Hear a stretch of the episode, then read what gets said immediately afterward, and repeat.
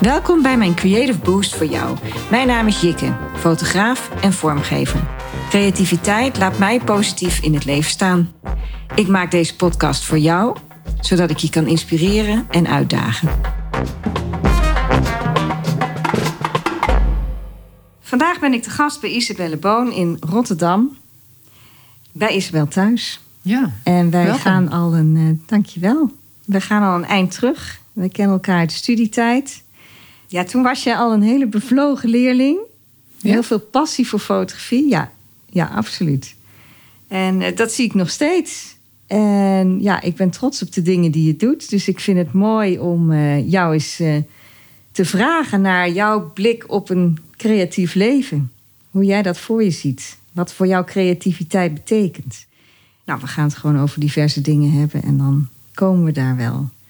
Ja, want je hebt al prachtige projecten neergezet, want je hebt ook twee boeken voor je. Daar kun je zo zelf het een en ander over vertellen. Je hebt tentoonstellingen gedaan, boeken gemaakt. Je hebt gereisd voor bepaalde projecten, voor deze projecten. Hoe zie jij je eigen verloop binnen de fotografie? Wist je al snel dat je interesse had in verhalende documentaire fotografie? Of heb je ook aan andere richtingen eerst gedacht? Ja, ik heb wel aan andere richtingen gedacht. Eh, ik heb verschillende dingen ook geprobeerd. Theaterfotografie, filmstilfotografie. Ik had oorspronkelijk idee om echt een, ehm, ja, een fotojournalist te worden. Maar ja, ik dacht van dat is gewoon ook wel heel erg heftig. En het is ook vaak gecombineerd met een leven dat mensen thuis weinig eh, zijn en, en, en gehecht zijn aan een, aan een thuis. En ja, dat is voor mij dat heb ik wel echt nodig.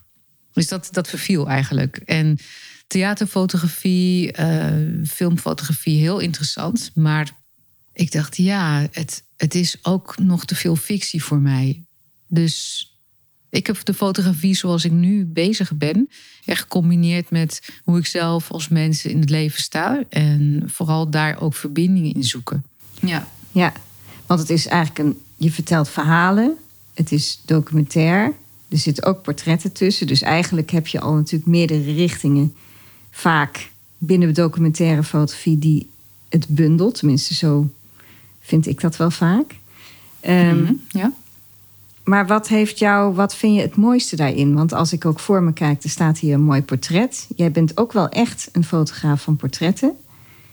Maar je vertelt ook een verhaal. Dus wat is het, het maken van portretten, is dat ook het vertellen van een verhaal, of een onderdeel van jouw verhaal? Nou, ik kan gegrepen worden door iemand die iets doet met zijn werk of haar of, zij, eh, haar of zijn werk bezig is. En daar op een bepaalde manier met ja, gereedschap of een handeling of, of met dieren of ja, je kunt zo gek niet bedenken, bezig is. En ook het samenwerken wat mensen kunnen doen. Dat is iets wat mij enorm fascineert. En dat zijn vaak de hele kleine details die me ontroeren daarin. Bijvoorbeeld dat eh, boer Piet in Roon eh, van het boeren, boeren, de boerenserie die ik heb gemaakt, hier vlakbij in Roon, een eh, strepentrekker had gemaakt van een strepentrekker. Misschien moet ik dat even uitleggen. Dat is een, ehm, eh, ja, een soort van hark, grote grove hark. eh, gemaakt om strepen over het net eh, omgeploegde land te trekken. En dan ging hij daar pompoenzaadjes in die ja, gleufjes die de strepentrekker zeg maar, had gemaakt, kon die poten. En die strepentrekker die had hij gemaakt van materiaal, eh, van die koperen buisjes die hij bij, ja, bij de stort of dus de langste straat had gevonden. En had hij allemaal in elkaar gelast en had hij een soort van hele grote grove hark van gemaakt. Oh, geweldig. Ja, en ik zag hem dat doen. Ja, en ik, ik, ik zag dat hij op zijn land, eh, die man is toch al vrij eh, op leeftijd, dat hij met dat, dat grote ding strepen trok hè, en die gleufjes daarmee creëerde. En dan om de drie meter een, eh, een pompoenzaadje in de aarde deed. Ja, en hij, hij hanteerde die strepentrekker op een bepaalde manier met een soort swing, een zwaai. En het waaide een beetje, zijn haar ehm, ging een beetje eh, opzij. En er zat ook nog een klein blaadje in. En ja, dat alles bij elkaar, ja, dat... Oh, of die keer Dat, hij, eh, dat ik hem uh, een van de keren, meerdere keren, dat ik hem peertjes of appeltjes zag uh, plukken. Want hij heeft een appel- en perengaard. Ja, de manier waarop hij dat dan in de kisten legt. En met die zware kisten dan moet bukken om door, de, door de appelgaard heen te lopen. Ja, dat, dat, de manier waarop hij dan ja, bukte met die hele zware kist, een oude man. Ja, dat, dat, met, met ook een soort invallend licht, een combinatie. Dat, dat kan me gewoon ontroeren. En ja, dat is waar ik op zoek naar ben. Ja, je omschrijft het al heel mooi, al heel beeldend. Ja, ik. Ik zie het beeld zo voor me. Ja. En het is een hele. Die man is heel eigen op dat moment. Heel erg helemaal zichzelf in zijn eigen wereldje. Hij heeft zelf iets ontwikkeld ja. wat hij gebruikt. Het is heel authentiek. Ja, nou dat kun je wel zeggen. Want hij heeft uh, heel Nederland doorgereisd om allemaal oude peren- en appelrassen te vinden. En die te kruisen met elkaar. En ja, echt in, het is echt een appel- en peren museum eigenlijk wat hij heeft. En daar is hij heel trots op. Hij is ook eh, best... Um, nou, er mag ook niemand zomaar komen. Dus ja, en dat is ook, brengt me tot een ander punt. Het is het is altijd een groot compliment. Ik beschouw het als een groot compliment als mensen mij vertrouwen. En hoe ben je binnengekomen bij hem? Nou, ja, door een keer langs te gaan en te vragen of ik hem mocht fotograferen. En ja, er is een band ontstaan. Ik weet niet of het meteen mocht, of dat ik ben teruggekomen. Of dat ik hem eerst uh, werk heb laten zien. Van goh, kijk, dit is wat ik maak. En, en zo en zo bedoel ik het. En dat en dat is mijn verhaal. Ja, en op een gegeven moment ehm, mocht ik er zijn en mocht ik hem fotograferen. Dus ik heb hem best wel vaak uh, ja, vastgelegd. Zijn er dan momenten waarop hij zei, nou nu even niet? Ja, of? absoluut. Ja, en dat zijn altijd ook momenten als iemand dat aangeeft, maar ook non-verbaal aangeeft. Hè? Op mhm. de projecten in Indonesië, als, uh, als mensen dan zeggen: Ja, ja, het is goed, je mag fotograferen. Maar ik zie aan hun lichaamstaal van: mm, Dit is niet een goed moment. En er zit toch een reserve in of een soort. Nee, dan, dan, dan leg ik mijn camera weg. Ja. Dus dan ben ik eigenlijk niet een goede fotograaf, want dan mis ik een fantastische scène of moment eigenlijk. Ja, maar je, je werkt wel aan de verbinding tussen jou en degene die je fotografeert. En ik denk toch dat je dat uiteindelijk verder brengt. Ja, ik denk dat ook. Dus dat, dat, is, dat heeft ook met respect te maken, maar ook hoe je zelf op een foto terug kan kijken. Niet alleen dat je dat weet, dat je het hebt gemaakt en hè, dat je het kunt terughalen, maar ook de omstandigheden, maar ook dat je er met een, met een tevreden gevoel naar die foto kan terugkijken. Dat is voor mij ook heel erg belangrijk. En met name hoe de ander naar haar of zijn foto kan terugkijken. Ja. Ja. Je had het net over Indonesië. Dat zijn natuurlijk twee, of nou ja, twee grote projecten van jou geweest. Ja. Ja, en een derde project, daar ben ik alweer mee bezig. Ah, kijk, daar hoor ik straks graag meer over. Maar eh, misschien moeten we een beetje bij het begin beginnen. Hoe kom jij daar terecht? Wat is jouw fascinatie om die eerste keer naar Indonesië te gaan? Nee, ik had al wel veel in Azië gereisd, maar ik was nog niet eerder in Indonesië geweest. En uh, mijn partner zei toen van ja, eh, laten we daar naartoe gaan. Want ik ben daar, hij was daar in 97 geweest met zijn toenmalige vriendin. En hij zei, ja, dat is zo bijzonder. Dat, laten we dat gaan doen. En toen zijn we in 2011 daar voor het eerst geweest samen. En we liepen in Jakarta en in de oude stad, voormalige Batavia. En ik dacht, ja, dit is wel heel bijzonder. Wat gebeurt hier eigenlijk allemaal? We zagen toen ook al wel wat ja, ontwikkelingen uh, van herbestemmingen. Van uh, niet alleen de panden daar, maar ook uh, de infrastructuur. Dus de rivier, de straten en zo. En ik dacht van ja, dit, dit, is, dit is eigenlijk best wel een vreemde combinatie. Er wonen hier allerlei mensen in half vervallen panden. die refereren naar de Nederlandse overheersing. En toch zijn, hebben ze een dagelijks leven opgebouwd. Al dan niet ja, heel vluchtig, omdat mensen, uh, ja, zo'n soort krakers eigenlijk worden gedoogd en in die panden um, flesjes recyclen of een stukje stof daar nog iets van maken of uh, eten maken of drinken en dat verkopen. Dus het is een heel ja, ad hoc bestaan eigenlijk. En dan tegelijkertijd dat er allerlei panden werden opgeknapt. Uh, waar um, Indonesische ondernemers um, allemaal ja, een chic hotel, uh, een galerie, um, een coffeeshop. Hè, uh, waar je lekkere drankjes en dergelijke kon halen. Ja, dus, dus op die manier eigenlijk allemaal ontwikkelingen. En daarmee ook een, een herbestemming van dat koloniale ja, erfgoed, zeg maar. Dus de eerste keer dat je er was, ja. toen dacht je al: hé, hey, dat, dat vind ik bijzonder. Had ik niet zo verwacht, dit aan te treffen. Ja, dat klopt. En dat, ik merkte dat er van alles ook achter de deuren van die panden gebeurde. En op straat. Um, wat mij heel erg uh, ja, wat, wat prikkelde, wat fascinerend uh, was. En ik heb ook gewoon aangeklopt van... Goh, hallo, uh, mag ik even binnenkomen? Mag ik kijken wat u aan het doen bent? En toen zag ik dat er gewoon hele werelden zich openbaarden achter die oude, oude pannen die stuk voor stuk werden herbestemd. Dacht ik, ja. Hoe bijzonder. Dit, dit vind ik gewoon bijzonder. En hier raak je ook een, nieuwe invulling van wat dat oude erfgoed. En dat andere erg, uh, eigenaren en, en invullingen gaat krijgen. Die gekozen zijn door Indonesiërs zelf. Ja. En ik dacht, ja, dat verhaal wil ik eigenlijk gaan vertellen ja, de gewone man op straat, een man en vrouw op straat. Eh, hoe gebruiken zij dat erfgoed? En kende je de historie al van het erfgoed? Of moest je daar toen nog wat verder in verdiepen? Of? Ja, wel. Ik bedoel, ik wist uh, vanuit ja, wat eigen interesse, maar ook vanuit natuurlijk vroeger van school iets over Indonesië en de banden tussen Nederland en Indonesië. Maar nog lang niet wat ik, wat ik nu weet. En ik ben nog, nog lerende. Dus, nou, ik heb ook van jouw projecten geleerd, inderdaad. Ja, en dat is ook zo mooi, omdat het in het boek kun je ook stukken tekst lezen natuurlijk. Ja. En je vertelt echt een verhaal. En wat ik ook mooi vind, is dat je het zowel in Nederland als in Indonesië gepresenteerd hebt. En daar ook dus weer jongeren bij betrokken hebt ter plekke. Ja, uh, dat klopt. Niet alleen jongeren, maar onder andere jongeren kregen een grote rol. En dat is in het tweede project. Ja. Heritage in Transition, dat is dat het eerste project waar we het net al over hadden. En dat is dus begonnen in 2011 in beginsel van wat gebeurt hier eigenlijk in het voormalige oude Batavia. En hoe wordt erfgoed nu herbestemd? En wie hebben daar uh, ja, het voordeel van? Ook misschien ook het nadeel. Hè? Er zijn ook mensen die helemaal geen plek meer in die herbestemmingen kregen. Dus dat vond ik ook een belangrijk verhaal om te vertellen. Ja.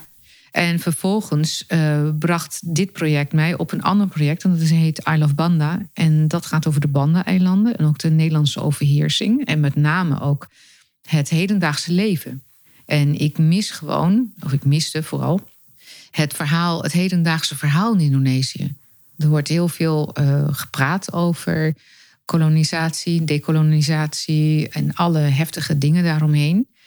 En toch mis ik vaak nog de hedendaagse blik, de het hedendaagse verhaal, waar mensen in Indonesië nu behoefte aan hebben.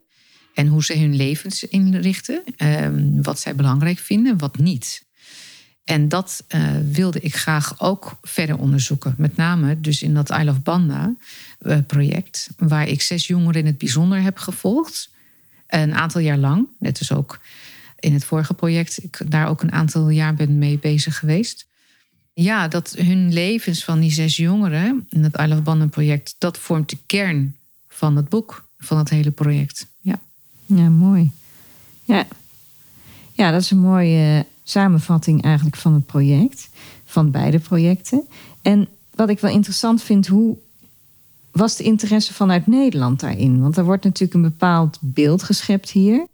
Mensen proberen wel eens andere verhalen te vertellen, zeg maar. Maar het is ook een beetje wat wil men vertellen? Of wat wil men horen? Ja, zeker. Zeker in het in, uh, Indonesisch-Nederlands uh, verhaal. Ik merk dat er wel steeds meer belangstelling is voor meervoudige verhalen over Indonesië. En ook de kolonisatie en wat het allemaal uh, heeft meegebracht in allerlei vormen. En daar is nu ontzettend veel aandacht ook voor. Maar toen ik met Heritage in Transition begon en ook met Isle of Banda. Ik bedoel, in Isle of Banda was ik uh, voor het eerst in 2016 op de eilanden, groep.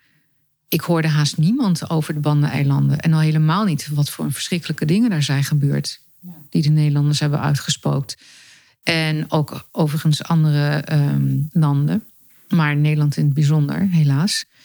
En dat, dat verhaal, ik dacht, ja, uh, dat, dat moet gewoon verder verteld worden. Dat is belangrijk. Ik vind het belangrijk zelf om daar meer uh, van te weten. Voor mezelf als persoon, maar ook als fotograaf. Maar ik zou ook wel uh, wensen dat men in Nederland meer over de Banda-eilanden weet.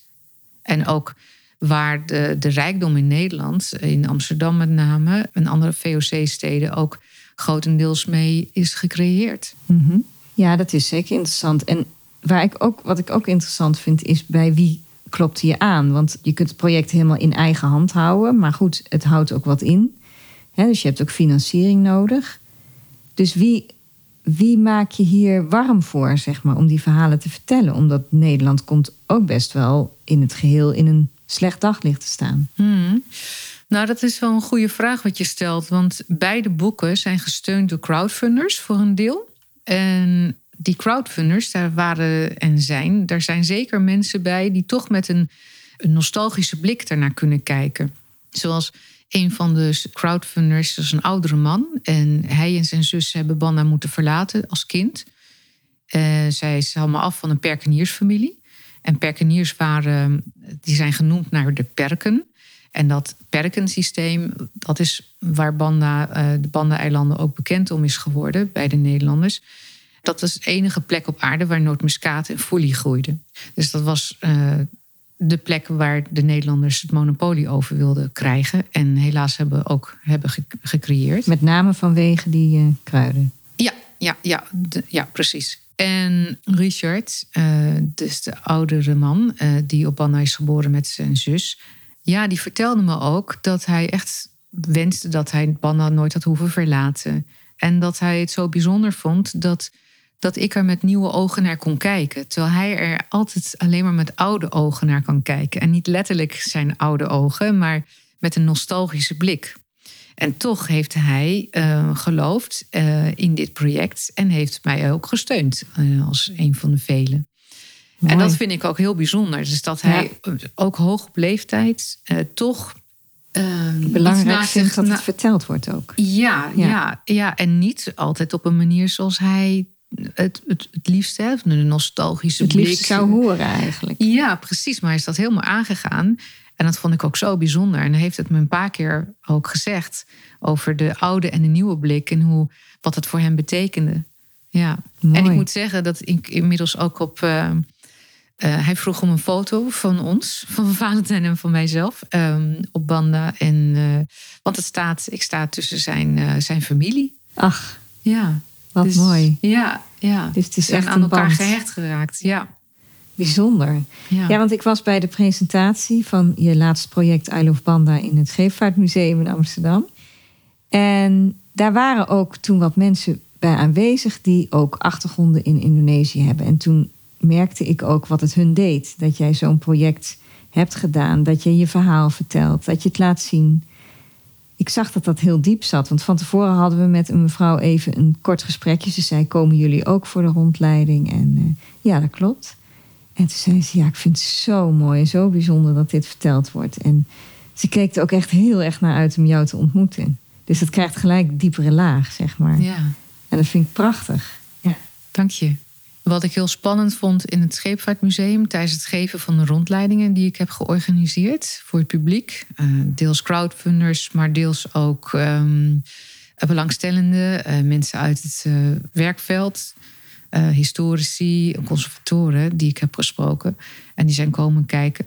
Ik vond het wel ook, ja, soms wel heel een beetje te spannend dat ik mensen zo kan ontroeren, kennelijk met mijn werk. Met, met de projecten die ik belangrijk vind, de mensen laten zien en daar een verhaal over vertellen die ik, het, ja, die ik graag in de schijnwerpers wil zetten. Um, Werd het je duidelijk waarom het ze zo ontroerde? Hebben ze dat ook goed kunnen vertellen? Ja, ja, ja, ik heb uh, ook reacties gebundeld. En wat mij vooral, wat, wat regelmatig terugkwam, is dat uh, ik het heb over uh, hoop en veerkracht van mensen. Ja. En dat is iets wat ik in mijn eigen leven ook aan het onderzoeken ben en aan het, ja, mezelf aan het uitdagen ben om dat te versterken. ja, het is gewoon belangrijk. En ik denk ook dat dat is wat ik wil laten zien.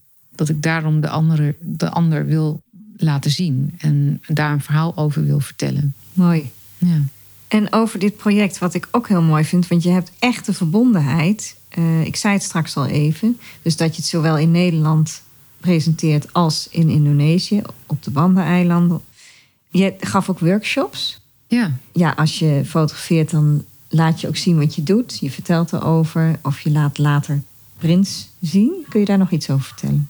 Ja, wat ik doe als ik fotografeer, dan kom ik altijd terug op de plekken waar ik heb gefotografeerd. Uh, om mensen een print te geven of meerdere prints. Soms de prints die ik zelf ja, goed gelukt vind, hè? dus de, de, de foto's. Maar soms ook echt een kiekje omdat zij uh, daar blij mee zijn. Uh, dus van zichzelf. Dus een ander type foto wat ik dan interessant vind. Ja, maar wat voor hun wel iets vertelt. Ja, ja, precies. Of waar wij bijvoorbeeld samen op staan. Ja. Uh, dat is ook iets wat soms heel expliciet werd gevraagd aan me. Dus ik kom terug daarom, maar ook ja, natuurlijk indirect om te weten hoe het met de ander gaat. dus wat dat betreft worden mijn projecten steeds intensiever omdat ik ja, steeds meer onderneem en steeds meer mensen leer kennen. En op een of andere manier toch contact wil houden. Dus daarin moet ik wel echt keuzes maken. Maar ja, ik probeer het altijd zoveel uh, mogelijk te combineren. Dus als ik nu terug naar Jakarta ga, dan heb ik uh, sowieso een, uh, een groep mensen die ik af, absoluut moet opzoeken. Ja. Of moet, wil opzoeken. Maar wat je me net vroeg, ja, op de Bandeneilanden. Ik ben daar toen begonnen om rond te kijken, maar ook om fotografieworkshops te geven. Ik had cameraatjes geleend en mee en andere dingen die daarvoor nodig waren. Om een hele workshop te geven, een presentatie gemaakt. En toen heb ik een aantal docenten van scholen daar benaderd. Van goh, dit is mijn idee. Is dat iets voor jullie? Zouden jullie daar op zitten wachten als ik een fotografieworkshop kom geven? En dat vonden ze fantastisch. Dus dat heb ik meerdere keren, ja, meerdere keren gedaan. Waren dat ook de kinderen dus- die, die je portretteerde? Of dat waren dan ook weer andere kinderen? Nee, dat waren andere kinderen. Want ik wilde graag zes jongeren in de leeftijd, de coming of age jaren, uh, uh, waarin je echt wel wordt gevormd in je puberteit, ongeveer 16 uh, jongvolwassen tot en met 23. Dat is de 16, 23 leeftijd jaren die, ik, die de zes jongeren in het boek hebben. En de kinderen en, en tieners die ik heb fotografieworkshops heb gegeven, die waren ja, ongeveer 10, 11, 12. En dan nog de, de, de high school students. Dus dat, dat ja, 15, 16 ongeveer iets jonger, 14 soms. Ja. ja. En de reacties waren mooi. Ja, dat was, uh, dat was hartstikke leuk om te doen. Ik heb dat meerdere keren en meerdere reizen ook gedaan.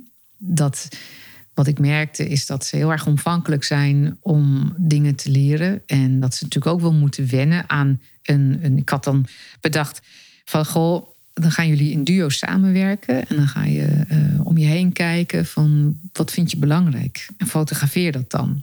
En van de, de, dan, dan, dan komen jullie terug.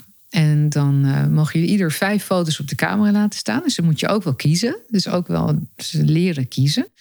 En van die, die tien foto's totaal, hè, dus twee keer vijf, moest, mocht er dan één selfie per persoon uh, bij zitten. Want anders dan gaan ze alleen maar selfies maken. Terwijl ik ze juist wilde laten zien van goh, kijk om je heen en wat vind je belangrijk of leuk of uh, niet leuk? Of um, hoe leef je? De, de, blik naar de ander.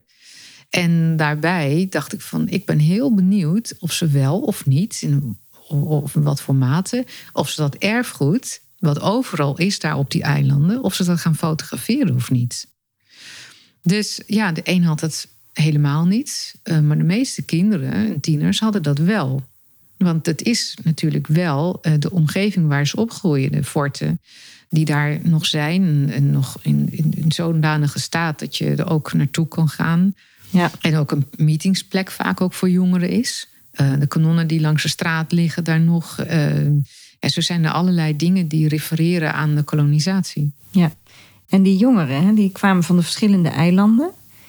Ja. Zijn ze ook een keertje allemaal samen geweest? Heb je ze met elkaar Konden ze elkaar een keer ontmoeten of was dat lastig?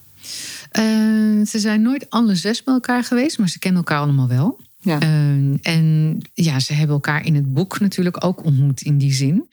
Ik heb ook het, de, het project mee teruggenomen, nog voordat het in Nederland werd geëxposeerd en ook gepresenteerd, het boek. Ben ik eerst naar de Banda-eilanden teruggegaan. Want ik wilde graag dat zij zelf het resultaat konden zien. Ik heb natuurlijk doorlopend in de jaren dat ik ermee bezig ben geweest, heb ik uh, foto's meegenomen en ook de interviews die ik heb afgenomen, vertaald, weer mee terug en ook gevraagd van, goh, toen zei je een half jaar later, hè, een, of eerder, uh, zei je dit en dat over je leven en over je dromen en ambities en wensen en wat voor jou echt belangrijk is. En wat je vindt eigenlijk van uh, de overheersing toen van de geschiedenis. Dus de constant toetsen en constant eigenlijk betrekken van jongeren. En zo ook met het exposeren daar. Ja, wat ik heel erg interessant vond. En waar ik ook heel erg blij mee was, is dat een aantal jongeren van het project ook hebben geholpen om de expositie in te richten. Dat is waardevol geweest, denk ik. Ja, en ze waren ook bij de opening. Niet iedereen. Van de meest uh, ja, outgoing, flamboyante uh, hoofdpersonen, Yellow die uh, durfde er gewoon niet bij te zijn. Nee? Nee, nee die, die, ik weet nog dat ik het boek gaf aan hem. En een paar dagen voor de opening, dus hij kon er ook bij zijn. Hij moest natuurlijk ook wel werken, maar had in principe vrij kunnen vragen. Maar ik gaf hem het boek en hij, hij rende weg. En ik dacht, oh jee, hij vindt het echt helemaal niks. Oh, wat erg. En oh, hij schaamt zich of wat dan ook. Maar ja. Uh, hij heeft dat later verteld, dat hij het heel spannend vond. En dat hij ook heel erg blij is met zijn boek. Dat hij, en zijn plek in het boek. Ja, maar dat hij, het, dat, hij, dat hij gewoon op dat punt gewoon heel onzeker is. Ja. Ja. En, ja, dus dat was ook een. Misschien een, juist niet verwacht bij hem, zeg maar. Nee, helemaal niet. Nee. nee, maar zo heb ik ook andere dingen gehoord. Dus zo als het het feit dat ik zijn ouders heb gefotografeerd, want dat heb ik niet bij iedereen gedaan. En ook echt in het boek heb opgenomen. Daar is hij zo blij mee. Omdat hij zei: Ja, mijn ouders zijn maar alles. Ja. Terwijl hij dat niet zo in interviews. Ja, zijn moeder op een gegeven moment wel. In de laatste fase van het maken van het boek. Had hij wel gezegd: van ja. Mijn moeder komt echt op de eerste plaats. En dan mijn toekomstige vrouw pas op de tweede plaats. dacht ik van zo. Oké. maar ehm, ja, dat vond ik wel echt uh, heel bijzonder. Maar goed, ik, het, was, het was helemaal oké voor hem. Het was helemaal goed. Ja. Alleen ik moest daar dus ook even doorheen kijken. Net als dat je als je in Indonesië een cadeautje geeft, dat je ja, daarbij uh, bewust moet zijn dat het niet wordt uitgepakt waar je bij bent. Ja. Het wordt daarna pas gedaan. En ze zijn er wel degelijk blij mee. Maar. Uh, die eerste reactie is... krijg je niet mee. Nee, Nee, en dat is echt uh, uit respect voor de ander. Dat, dat mocht, ja, dat de ander niet je reactie dan hoeft te um, zien als je het uitpakt. Ja, He? als het dus ja, niet zo mooi vindt bijvoorbeeld. Nee, precies. Of als het niet past of wat dan ook. Dus dat is, dat als je dat weet, dan helpt het je enorm om die cultuurverschillen te interpreteren. Ja. En dus daar heb ik ook heel erg veel van geleerd, ja. zeg maar. Ja. Mooi. Ja. En als jij een Zoals met die projecten die je hebt gedaan. Wil je dan een boodschap vertellen? Wil je de kijker meenemen op avontuur? Of is het zo dat je de kijker een boodschap mee wil geven? Of is het een combinatie van allerlei dingen? Het is sowieso wel een combinatie. Uh, ik denk, ja, natuurlijk wil ik graag dat de kijker meegaat in het verhaal.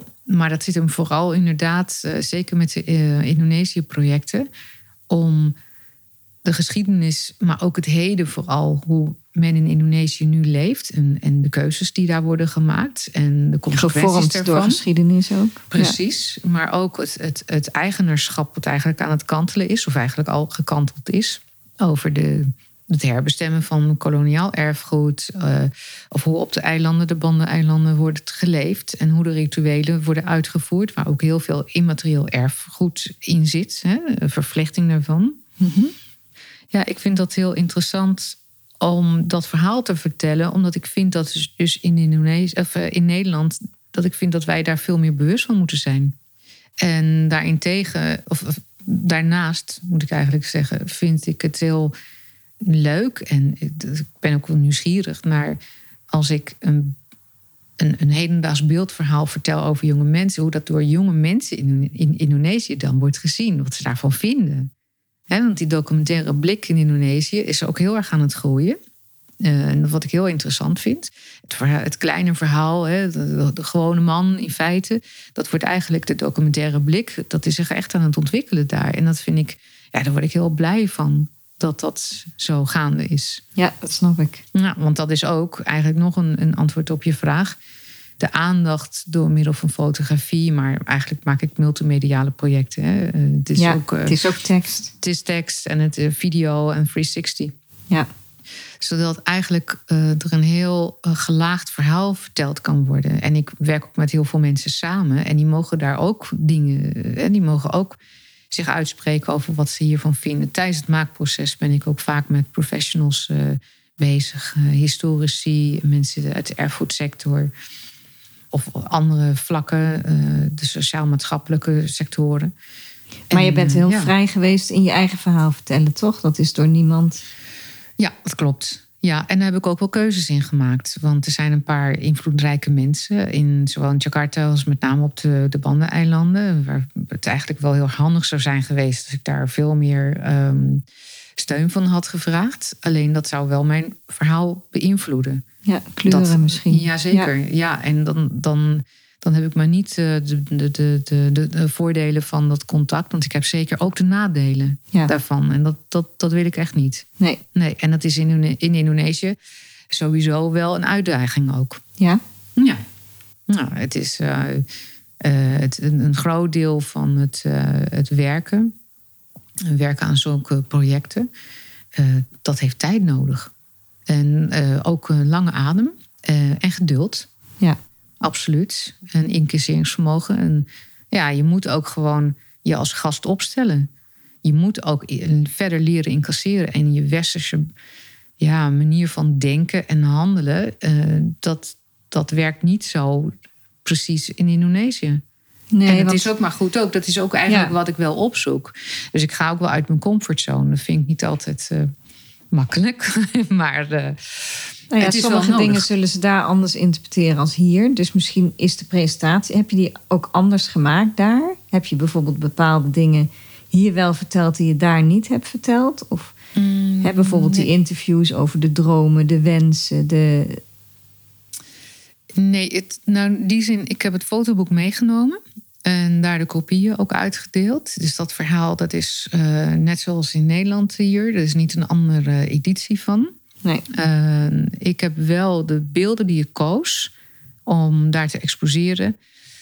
Dat heb ik wel ja, op, met het oog op de persoon, de jongeren, nog wat meer gedaan. Ik bedoel, ik ga niet in Indonesië op hun eiland de eilandengroep, de Banneneilanden, ga ik niet uitgebreid vertellen over wat daar allemaal precies te zien is. Ja. Want dat weten ze wel. Ja, precies.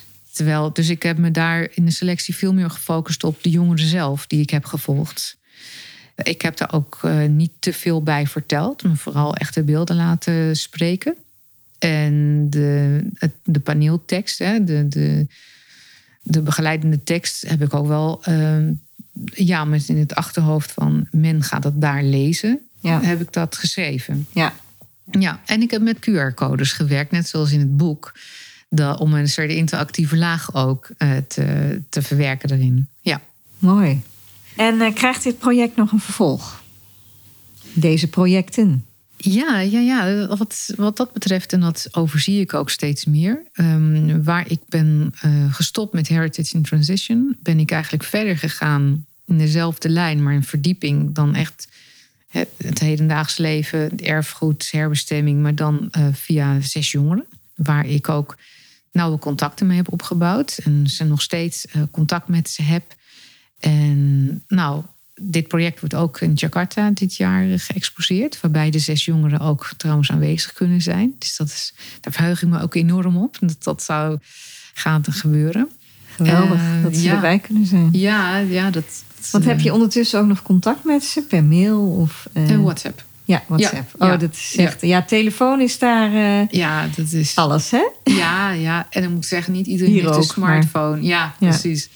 Maar nee, ze hebben daar ook zeker. De, ja, men is daar echt bezig met mobiele bereik, het mobiele bereik in onderling. Ja. Dus dat is iets waar ik mee bezig ben. En voor die expositie heb ik het ook helemaal op maat gemaakt. Tenminste, daar ben ik nog steeds mee bezig.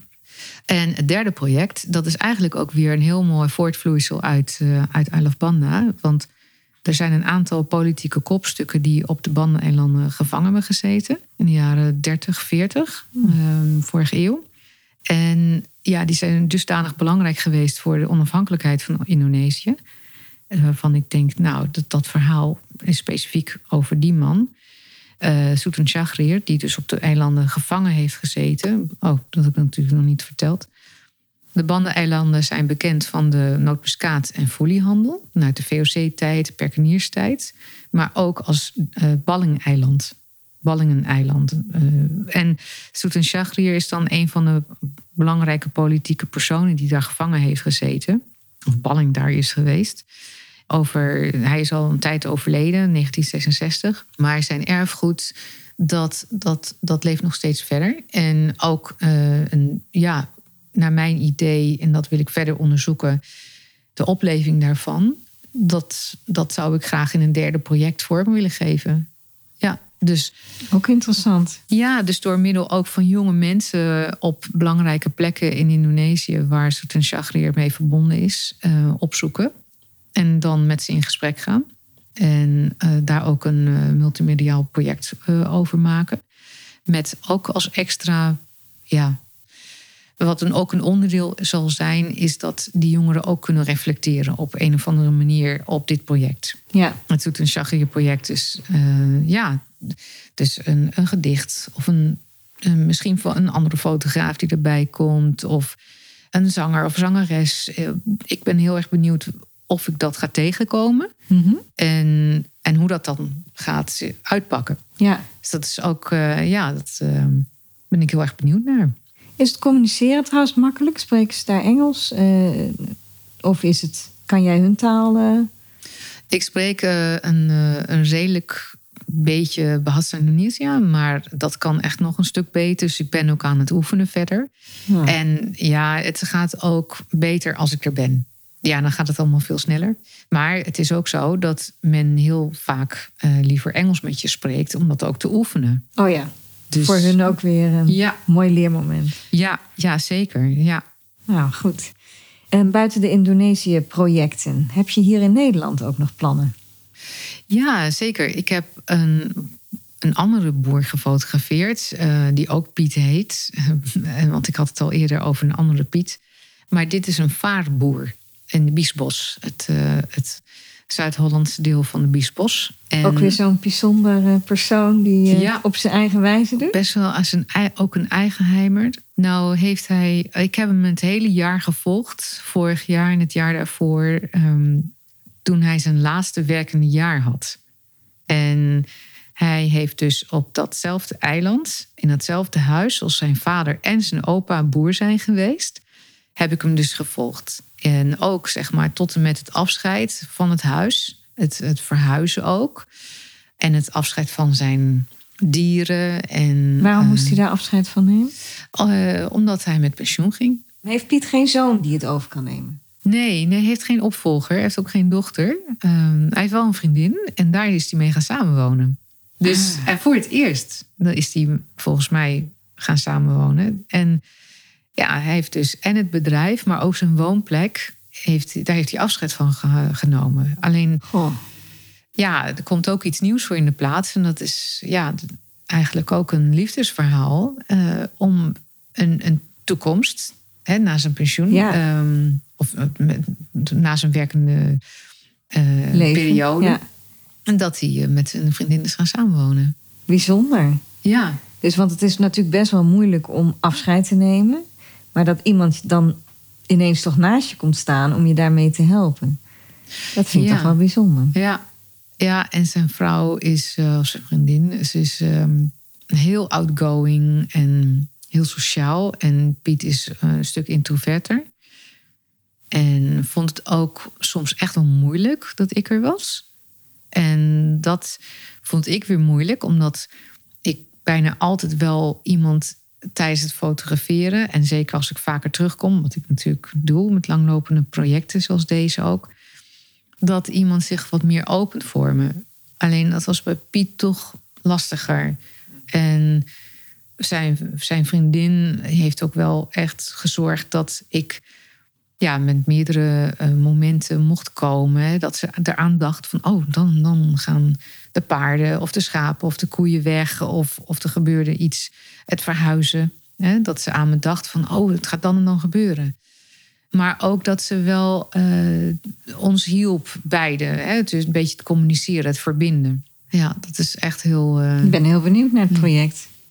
Ja, ja, ik heb het dus eventjes eh, laten liggen. Ook omdat ik druk was met, uh, met I Love Banden expositie in Jakarta. En ook uh, met het nieuwe project hè, over Soet en Shagrir. Maar um, het is ook goed om soms echt werk even een tijdje te laten liggen. Omdat, om daar even met een, een frisse blik naar te kunnen kijken. Ja.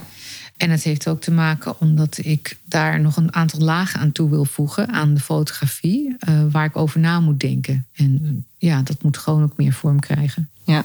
En zie je echt fotografie als echt een creatieve uiting? Voor jou is het iets wat je moet doen, zeg maar, in je leven? Geeft het je leven meerwaarde? Ja, het is je vak, maar hmm. is het ook iets wat je dagelijks, dus ook in je vrije tijd doet, zeg maar? Hele goede vraag. Niet, lang niet altijd ik, ik zet fotografie echt in om een verhaal over een persoon te kunnen, of over personen te kunnen vertellen. En dan ben ik wel heel gericht aan het fotograferen. In die zin gericht, ik uh, ga verschillende uh, situaties uh, zoek op. Hè. Dan, dan, gebeurt er iets, of er is een verandering. En dan, dan juist kom ik er naartoe. Of ga ik op pad. En dan kijk ik wel wat er dan gebeurt en wat er niet gebeurt. Soms, ja, dan ben ik de hele dag aan het fotograferen en dan kan ik geen enkel beeld ervan gebruiken. En dat is dan zo. Ja. Weet je wel? Dus eh, ik, ik maar toch heb je je verdiept op die dag in je project. En dat speelt ook mee. Ja, zeker, zeker. En ja, ik, ik moet zeggen, ik. Uh, maar goed, dagelijks fotograferen en overal altijd mijn camera mee. Volgens mij zoals jij, hè? Ja, ik doe, ik doe dat wel veel, ja. Ja, precies. Uh, dat, dat, dat heb ik niet. Misschien heeft het ook wel te maken dat ik niet, niet een hele snelle fotograaf ben of zo. Uh, of ik gebruik fotografie ook om, ja, om een, een verhaal dus te vertellen, maar ook voor mezelf om te samenvatten, om samen te vatten. Ja. Zeg maar. Ook om, om kennis te vergaren en dat te verwerken in, in fotografie en een interview. En dan daarmee uh, met die onderdelen een, een, ja, een totaalplaatje te maken. Of eigenlijk een ja, project. Ja, maar als je het, het eerste woord wat je noemt, als je vertelt wat je doet, dan ben je wel een fotograaf. Ja, ik denk het wel. Ik vind... Of omschrijf je het met meerdere woorden? Nou, wat ik zo fijn vind en bijzonder vind van fotografie, eh, het is zo'n cliché, maar dat een foto kan meer vertellen dan duizend woorden idee. Maar een foto kan je gewoon zo in een beeld trekken, in een situatie, een, een, dat je echt gewoon soms een, een, een stomp in je buik krijgt of, of, of, of een heel warm gevoel in je lijf van een geluksgevoel uh, of, of, of of, of afgrijzen. Ja.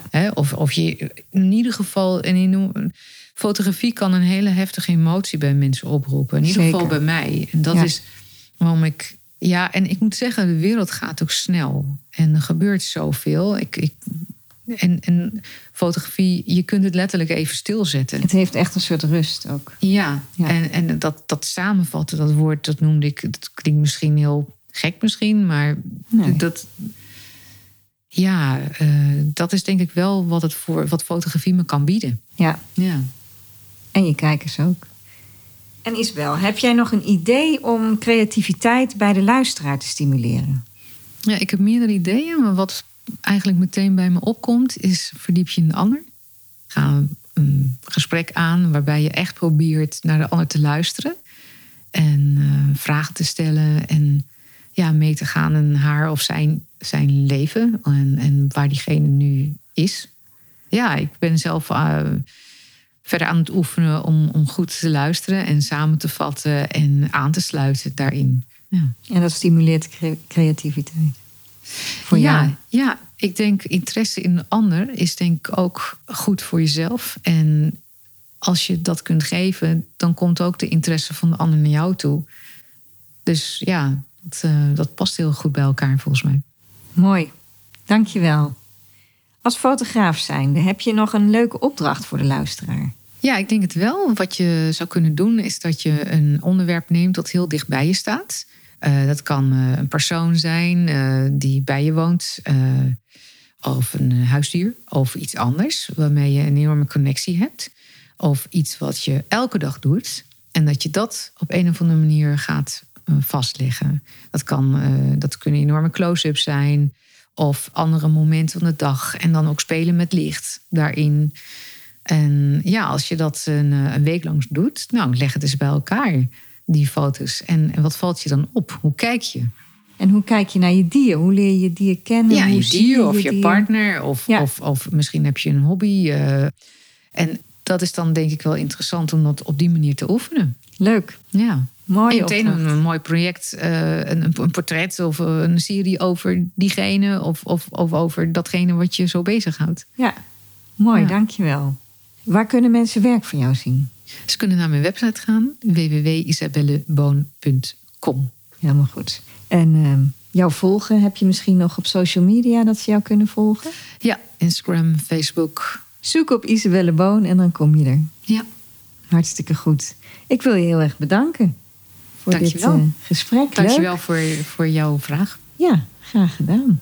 Hartstikke leuk. Leuk hier uh, in Rotterdam tussen jouw werk te zitten en uh, mij zo welkom te voelen. Dankjewel. Wat ga jij voor creatiefs doen vandaag? Ga je aan de slag met de uitdaging van vandaag? Laat het mij weten. Meld je vandaag nog gratis aan bij de Facebook Creative Boost Community.